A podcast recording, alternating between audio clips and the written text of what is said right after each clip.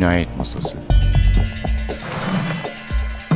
Hazırlayan ve sunan Sevin Okyay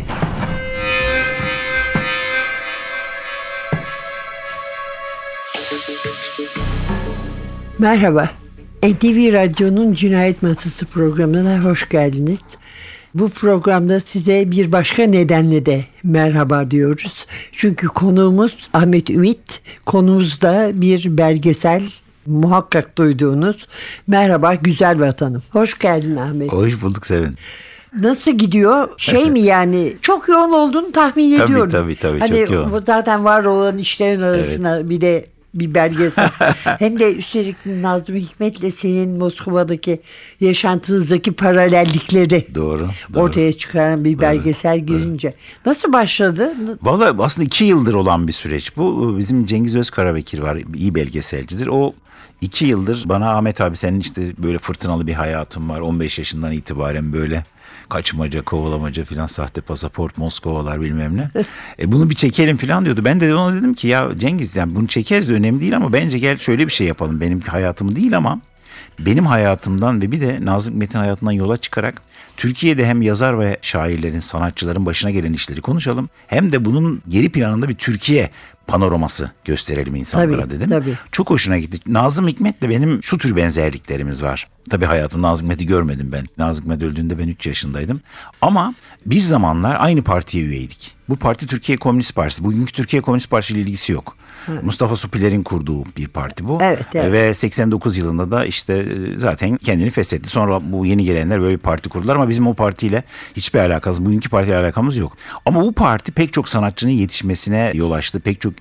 insanın Türkiye Edebiyatı'nda da Orhan Kemaller, işte Nazım Hikmetler, Aziz Nesin bir şekilde herkes Vedat Türkaliler Türkiye Komünist Partisi ile bağlantılıydı. Yani dünyada da böyleydi biliyorsun. İkinci Dünya Savaşı Tabii. öncesi antifaşist harekete katılan pek çok sanatçı o dönemin komünist partileriyle, ilerici partileri hareketleriyle ilişki içerisindeydi. Nazım da öyleydi, ben de öyleydim. Bir de şöyle bir şey oldu. Nazım bir Moskova'ya gitti 1921 yılında. Şiir yazıyordu Türkiye'de ama oraya gidince Mayakovski ile karşılaştı ve yepyeni bir şiir o serbest vezin, o gümbür gümbür akan şiiri orada buldu. Şimdi ben de öykülerimi Türkiye'de yazmaya başlamıştım. Fakat oraya gidince yazar olmaya karar verdim ve biraz da polisiye yazma fikrim orada oluşmaya başladı. Yani yazar olma fikrim orada olmaya başladı. Ve ikimizin de başından bu parti üyesi, aynı parti üye olmaktan gelen pek çok melanetler tabii. Nazım Hikmet'in çok daha fena 15 yıla yakın hapis yattı. İşte ben öldürülesiye dövüldüm, vuruldum. Ondan sonra sahte pasaportla yurt dışına gittim. Ya fırtınalı bir hayatımız var ikimizin de. Şimdi bu iki hayatın kesişme noktalarından yola çıkarak işte hem siyaset ve sanat arasında, siyaset ve edebiyat arasındaki ilişkiyi anlatıyoruz.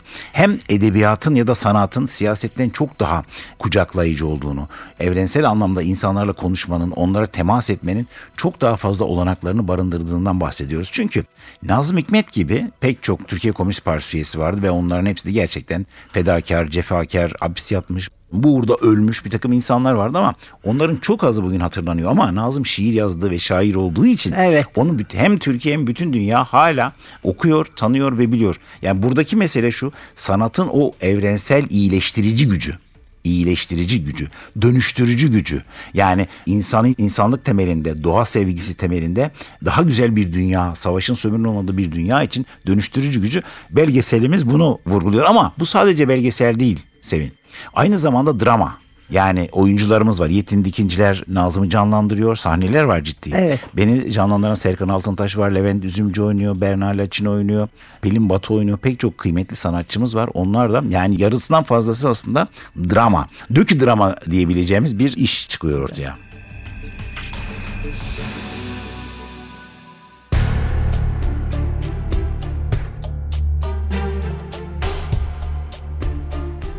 İki gündür aralıksız yağan kar akşam üzeri durdu.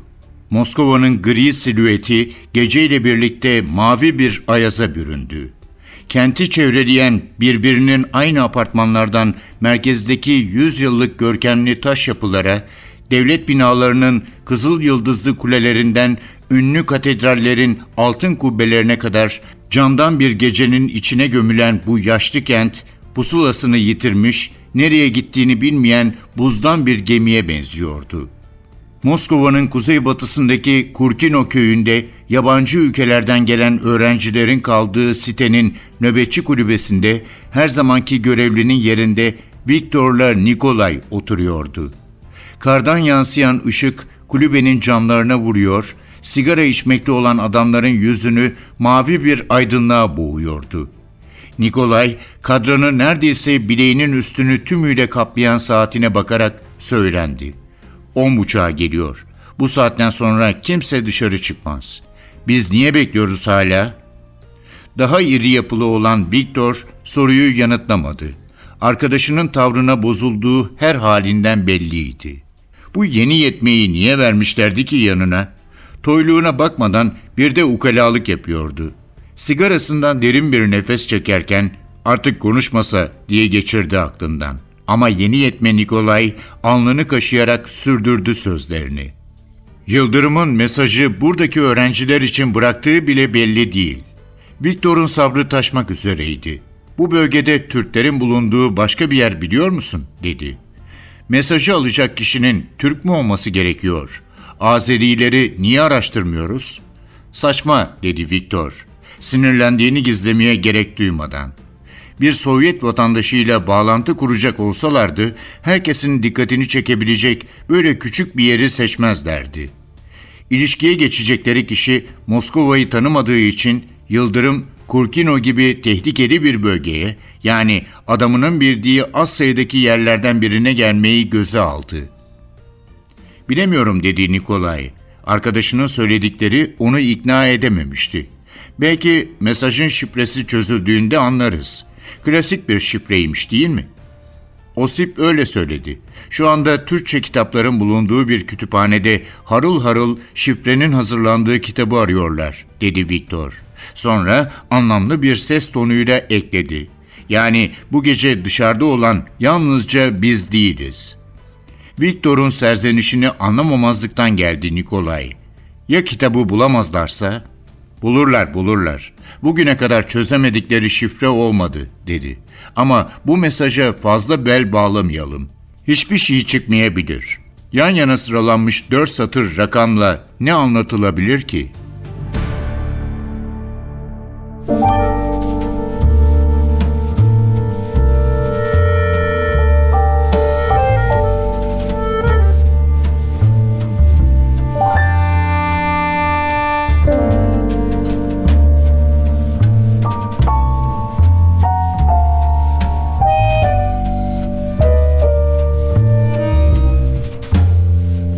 If you go away on this summer day, then you might as well take the sun away.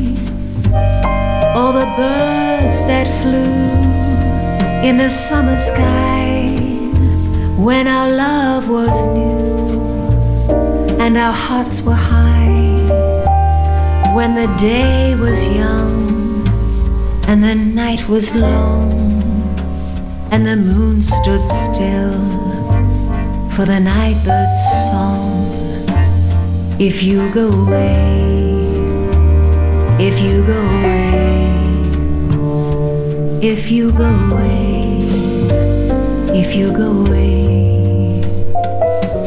But if you stay, I'll make you a day.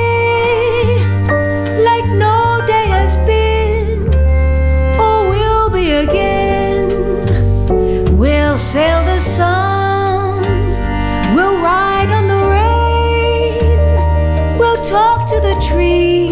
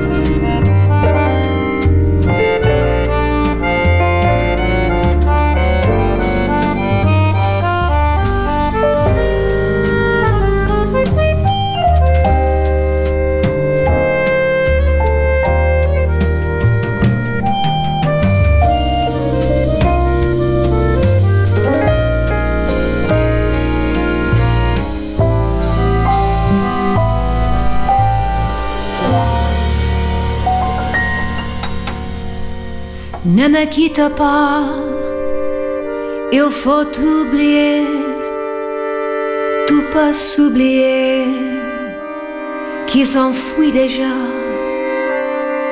Oublier le temps des malentendus, le temps perdu,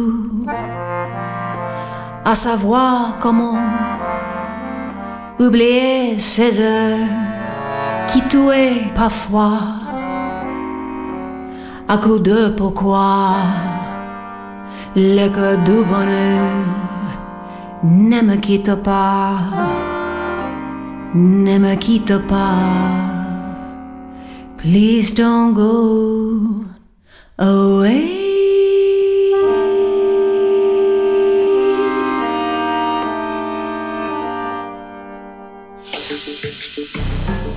Ahmet Ümit'le birlikteyiz. Merhaba güzel vatanımdan söz ediyoruz. Peki ne kadar çektiniz değil mi yani? Tabii tabii. Çok az bir şey kaldı. Yani 15-20 günlük biz şu anda stüdyolardayız. Yani Beykoz, Kundura'da, Silivri'de dönem film olduğu için özel stüdyolar kuruldu ve orada dönemleri çekiyoruz. İşte önce ben benim Beykoz anonslarım Kundura var. çok yatkın tabii buna. Tabii tabii. Benim anonslarım vardı. O anonsları ben de anons yapıyorum filmde. Antep'te benim doğduğum evde, benim okuduğum okulda, Gaziantep'in önemli yerlerinde, Bursa'da Nazım Hikmet'in hapis yattığı yerde o zaman çıktı bir Seviranz Otel var. Piraye ile buluştuğu otel orası. Orada da Moskova'da benim okulumun, ben de okudum çünkü orada. Benim okulumun olduğu yerde şimdi ama Finans Üniversitesi oldu. Komünist okul Finans Üniversitesi oldu. Bu da komik bir şey. Kızıl Meydan'da çektik onları. Şu anda drama bölümü devam ediyor. Yoğun bir şekilde devam ediyor. İşte Pera Palas'ta da çektik. İşte değişik yerlerde oyuncularımızla beraber devam ediyoruz. Film tabii Kasım'da gösterime girecek ve sinemalarda gösterime girecek. Yani yani şey değil kültür sanat merkezlerinde değil. Bu konuda biraz iddialıyız. Yani yani hem Nazım Hikmet hem benim ismim olunca hem de böyle iyi oyuncular olunca e, bakalım ne olacak onu göreceğiz ama şimdiden benim okurlarım büyük bir merakla filmin vizyona girmesini bekliyorlar. Hiç şüphe yok ben de bekliyorum. Sağ olasın. Teşekkür ederim. çok çok güzel fakat bu tempoyu nasıl sırdırdığını anlayamıyorum. Demek kitap onun için biraz gecikti. Biraz onun için gecikti doğru. Bir de yayın evini değiştirdim. Değiştirdin tabii, Tabii Yapı artık Kredi. Yapı Kredi ile çalışacağız. O kitap da onu da söyleyelim o zaman istesen söyleyeyim mi? Onu söyle söyle Tamam. ya. Onu Kitabımız da Eylül'de geliyor. Bir başkomiser Nevzat kitabı geliyor. Evet. Artık başkomiser Nevzat kitabı diyorum. Biliyorsun benim romanlarda bir başkomiser Nevzat olanlar var. Bir de bağımsız, Bağımsız romanlar var. olanlar, evet. Artık işte şey gibi İstanbul Hatırası, Beyoğlu'nun en güzel abisi, Kavim gibi, Kırlangıç Çığlığı gibi romanlar üzerine artık şey yazıyoruz. Bir başkomiser Nevzat kitabı Evet. yazıyoruz. Bu gelen de bir başkomiser Nevzat kitabı olacak. Güzel bir kitap. İşte Eylül'de e, onu da çıkaracağız. Okurlarımızı bayağı beklettik. İyi bir Herkes çok çok karakterdi kitap başkomiser bekliyor. Nevzat çünkü. Film projeleri var. Tiyatro projeleri var. Pek çok projemiz var. Evet haklısın ama ben şunu fark ettim Sevin.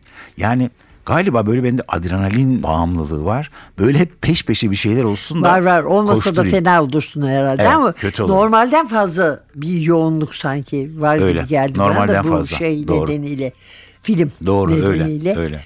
Peki sen bana sana sorduğum bir şeye cevap vermiştin. Bir yazı bulmuştum ben Ha, de bu evet. yeni mi yazdım bunu Evet. diye 10 yıl önce Doğru. yazdım demiştin. doğru. O da çok ilginç bir yazıydı. O da Ahmet Ümit'in kaleminden Moskova'da bir gece yarısı. Doğru, doğru. Nazım'la karşılaşıyorsun Evet, ama evet. ölmüş yani ne olduğunu Tabii, bilemiyorsun tabii. o gecenin. Onu da kullanacağını söyledin. Onu şimdi şöyle tabii hepimizin yazarları var yani okuduğumuz yazarlar ve bu yazarlar bizi çok derinden etkiliyor. İster yazar olsun bunu okuyan ister okur olsun fark etmiyor. Benim de böyle yazarlarım var yani beni derinden etkilemiş ya da okuduğum bir eseri beni derinden etkilemiş yazarlar var. Bunlar hakkında ben şu ana kadar 6 yazar var sanırım onlar hakkında hikayeler yazıyorum. Bunların çoğu vefat etmiş yazarlar. Onlarla onların roman evreninde buluşuyorum. Mesela Kafka'yı yazdım. Kafka ile Prag'da buluşuyorum. Onun bir e, hamam böceğine dönüşmüş haliyle karşılaşıyorum. Dostoyevski ile bir e, Rusya'da bir kumar masasında karşılaşıyorum. Bukowski ile bir meyhanede, Amerika'da bir barda, Barda, e, karşılaşıyorum şüphe gibi. yok, evet. Ya bunu ileride, ileride benim yazarlarım diye böyle biraz daha sevdiğim yazarları hikayeleştirip ya onlarla sohbet gibi ileride bunu bir kitap yapmayı düşünüyorum. Daha bir olmadı ama biraz daha bekle. de olacak mı? Tabii tabii Agatha Christie ile tabii Arthur Conan Doyle şart mutlaka koymam lazım. yani. Poe'yu da seversin. Poe'yu da mutlaka eklemem lazım. Haklısın. Aslında önce Poe'yla başlamak lazım. Poe'ya bayılıyorum zaten. Aynen öyle.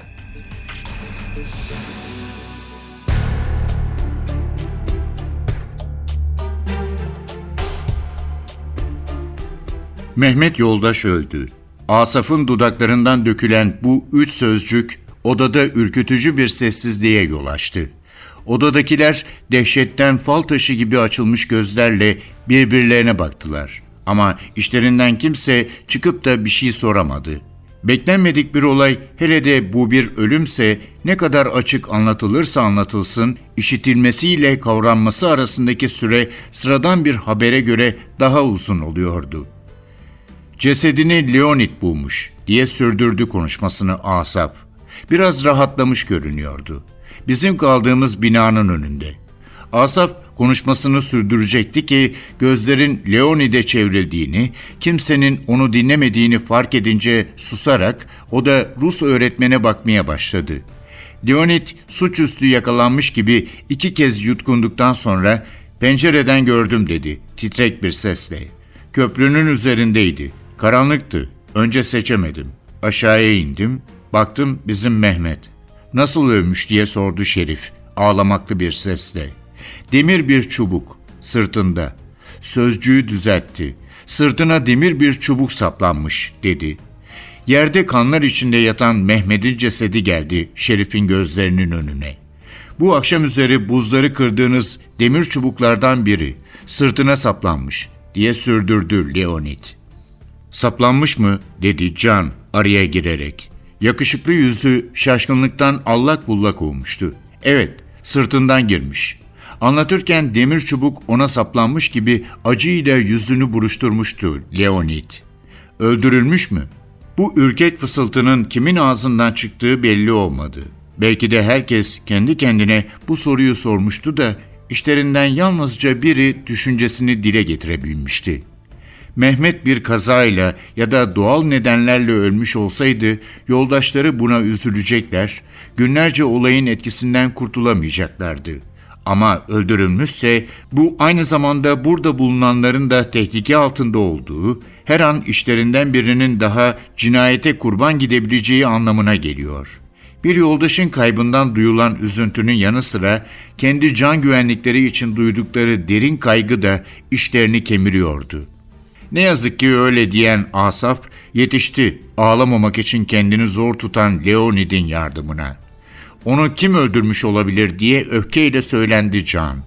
Arkadaşına duyduğu üzüntü kendine yönelen tehditten daha mı ağır basmıştı yoksa öldürülme olasılığını hiç mi aklına getirmemişti belli olmuyordu. Yabancılardan biri olmalı diye söylendi Hikmet kesin bir tavırla kendi kolektifinden birinin böyle bir cinayet işlemiş olmasını düşünmek bile istemiyordu.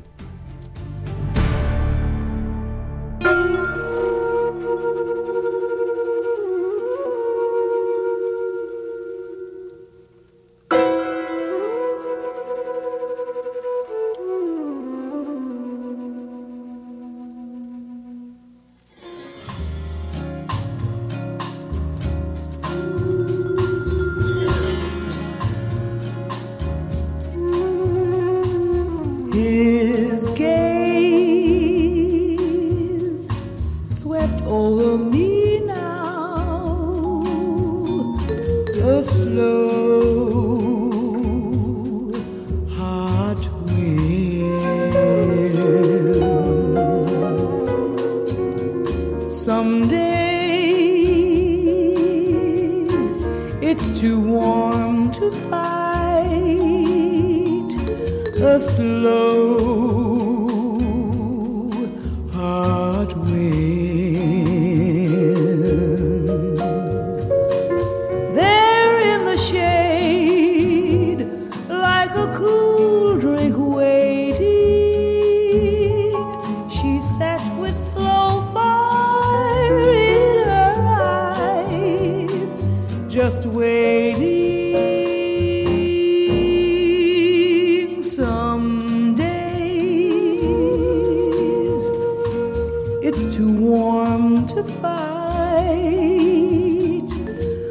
slow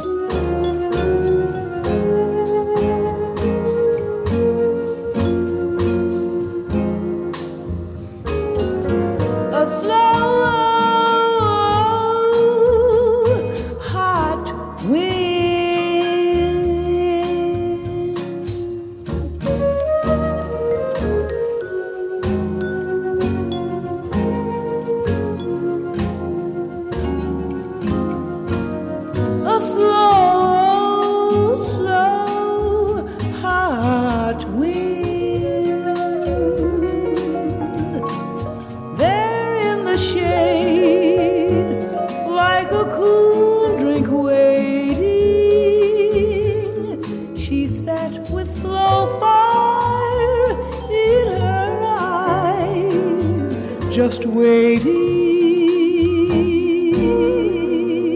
some days. It's too warm to fight a slow.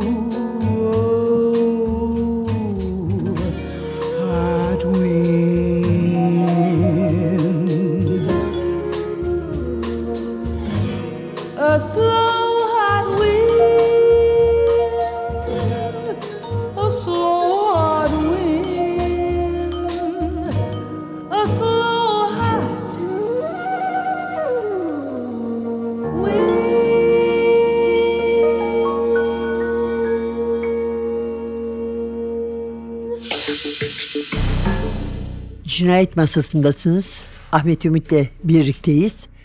Ahmet senin bir Berlin Bergama diye büyük bir romanın vardı. evet. O ne oldu bu arada yani? Onun çalışmaları sürüyor. Aslında şöyle kurgusunu bitirdim. Yani romanın kurgusunu yazdım ve bitirdim. Yazılmayı bekliyor. Fakat araya bütün bu işler girince çok kapsamlı bir roman bu. Yani tezli bir roman. Bizim şey gibi benim Elveda Güzel Vatanım, Babe Esrar gibi İstanbul Hatırası gibi tezli bir roman. Bu büyük bir roman. Bunda da şeyi anlatmak istiyorum aslında. Hani biz hep konuşuruz ya Anadolu'ya gittiğimizde tarihi eserleri gördüğümüzde Roma dönemi, Helenistik dönem ve genellikle Roma ile Helenistik dönem birbirine karıştırılır. Helenistik dönemi anlatmak istiyorum ve ben gerçekten şeyi çok merak ediyorum. Helenistik dönem Anadolu'da ne zaman başladı? Yani çünkü daha önce Persler vardı. Perslerden sonra Helenistik dönem başladı. Yani karışık Hititler falan da var. Ve bu dönemi merak ettiğim için bu dönemi anlatmak istiyordum. O yüzden de Pergamon yani bugünkü Bergama, Pergamon antik şehrini seçtim. Çünkü çok önemli. O dönemin yıldız şehirlerinden biri. Ve sanatsal olarak da çok yüksek bu Zeus altarı, Berlin'e giden Zeus altarı dönemin gerçekten heykel işçiliğinin en yüksek örneği. Müthiş bir estetik var orada. Bunu anlatmak istiyorum çünkü bu dönemi öğrenmek istiyorum. Ya Anadolu'ya Helenistik kültür ne Senin zaman öyle geldi? kitapların var ama değil mi? Yani Var, bir var. şey merak edip öğrenmek için. Tam olarak araştırma. öyle. Tam olarak öyle. İşte onun çalışma tabii ki Büyük İskender'e gideceğiz. Yani Büyük İskender'le başlıyor ama yani o Batı Ege'deki şehirler yani Efes, Efesus işte Pergamon, Troya bunların hepsini bir anlatmak istiyorum biraz. Bunu da yine bir polisiye kurgu. Günümüzden geçmişe gidiyoruz ama Almanya'da başlıyor. Berlin'de başlayan, Berlin'de bir cinayetle başlıyoruz. Oradan 2000 küsür yıl önceye gideceğiz ve Anadolu'daki ilk Helenistik yapı ve Pergamon ve aynı zamanda Zeus altarının yani bugünkü Zeus altarının Pergamon Berlin'e nasıl gittiğini, orada Pergamon Müzesi'nin nasıl oluştuğunu, bütün bunları hem bizim zihin bakış açımızı hem Almanların bakış açısını, arkeoloji neden önemlidir, tarih neden önemlidir ve tarih neden sadece ırk ve dinle sınırlı olmamalıdır. Tarih kültürel bir miras olarak düşünülmesi gereken bir şey. Bütün bunları anlatan, temelinde aslında romanın mesajı da kültür yani kültür her şeyleri anlatan bir gerilim ve cinayet romanı. çok Ama hem seveceksin. çok araştırma istiyor. İşte onun için hem biraz da için çok sürdü. veçeli yani. Aynen öyle. Almanya'da başlayıp burada başkomiser Nevzat yok. Elmas diye bir kadın polis var. Komiser mi? Almanya Alman ama Alman polisi hem Alevi ondan sonra hem işte azınlık Almanya'da bir de Alman kocadan ayrılmış öyle sorunları var. Şahane bir şey. Ee, hikaye gelecek çok güzel. Onu bir yandan onu düşünüyorum notlarımı alıyorum. İşte arada bunlar çıkıyor. 2020 yılı benim 60. yaşım. 60. yaşımı kutlayacağız sanatta. 2020'de o kitabı çıkarmayı düşünüyorum. Eylül'de Ha, inşallah. 2020'ye yetişir inşallah. İnşallah bakalım yetiştirmeye çalışacağım. E kurguyu oturttunsa Oturttum. e, şey yok, yaparsın oturttum. yani, Yok yok yaparsın. oturttum. Otur. Araştırmaları da tamam hepsi yani defalarca işte Berlin'e gidip Berlin'den Pergamon'a gidiyorum. Yılda birkaç kere Berlin, Pergamon, Mekik dokuyorum yani. Çok güzel. Peki bunun ve hikayelerin dışında Nevzat var. Evet tabii Nevzat, Kitap. Nevzat kitabımız Eylül'de geliyor. O tamam. İşte arada şimdi belgeselimiz Kasım'da gösterime e, girecek. İşte bir tiyatro, Beyoğlu'nun en güzel yapısının tiyatro yapma projemiz var. Baba Esrar'ın film olma projesi var. Ya bunlar yakın projeler. Var da var yani. Var da var, var da var. Çok güzel. Yani bu bunu çok iyi anlıyorum onu söyleyeyim yani ama sen benden daha genç olduğun için bayağı genç olduğun için adrenalin biraz daha fazla galiba miktar Yaş- olarak yaşça öyle yaş- anlaşılıyor. yaşça öyle. Sonra yaparken yapayım. Sevin. Ben de artık şu anda 59 yaşındayım. Yani bir 10-15 yıl sonra eğer yaşarsak her şey yoluna giderse en iyi senaryodan bahsediyorum. Artık yavaş yavaş ağırlaşacağız iyice. Dolayısıyla yaparken yapalım sonra bakarız. Çok teşekkür ederiz Ahmetciğim. Hem ayağına sağlık, ağzına sağlık ederim. geldiğin Ben için teşekkür buraya. ederim, sağ Hem de olun. bize bütün bu gelişmeler hakkında bilgi verdiğin için. Sağ olasın. Çünkü epeyce bir uzak kaldık. Ben ciddi bir şekilde birikmiş. merak etmeye başlamıştım. Doğru çok birikmiş. Aynen öyle. Aynen öyle. Hepsi hayırlı olsun. Teşekkürler. Çok iyi gitsin. Kendine okur ve izleyici bulsun. Çok teşekkür ederim. Her zamanki gibi buluyor ama öyle bir duaya ihtiyacı yok. Yok var ama olsun yine de sen duan et. Ahmet Ümit'le birlikteydik. Merhaba güzel vatanım. Merhaba güzel vatanım. üzerinde konuştuk ve daha pek çok şey üzerinde önümüzdeki hafta başka bir yazar, başka bir kitap e, yeniden huzurunuzda olmak umuduyla mikrofonda Sevin, masada Atilla. Hepinize adrenalin dolu günler dilerim. Hoşçakalın. Güzel.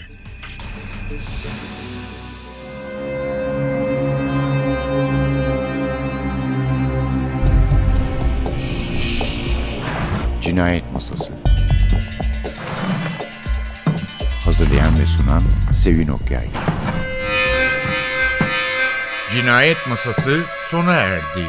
Programın tüm bölümlerini ntvradio.com.tr adresindeki podcast sayfamızdan dinleyebilirsiniz.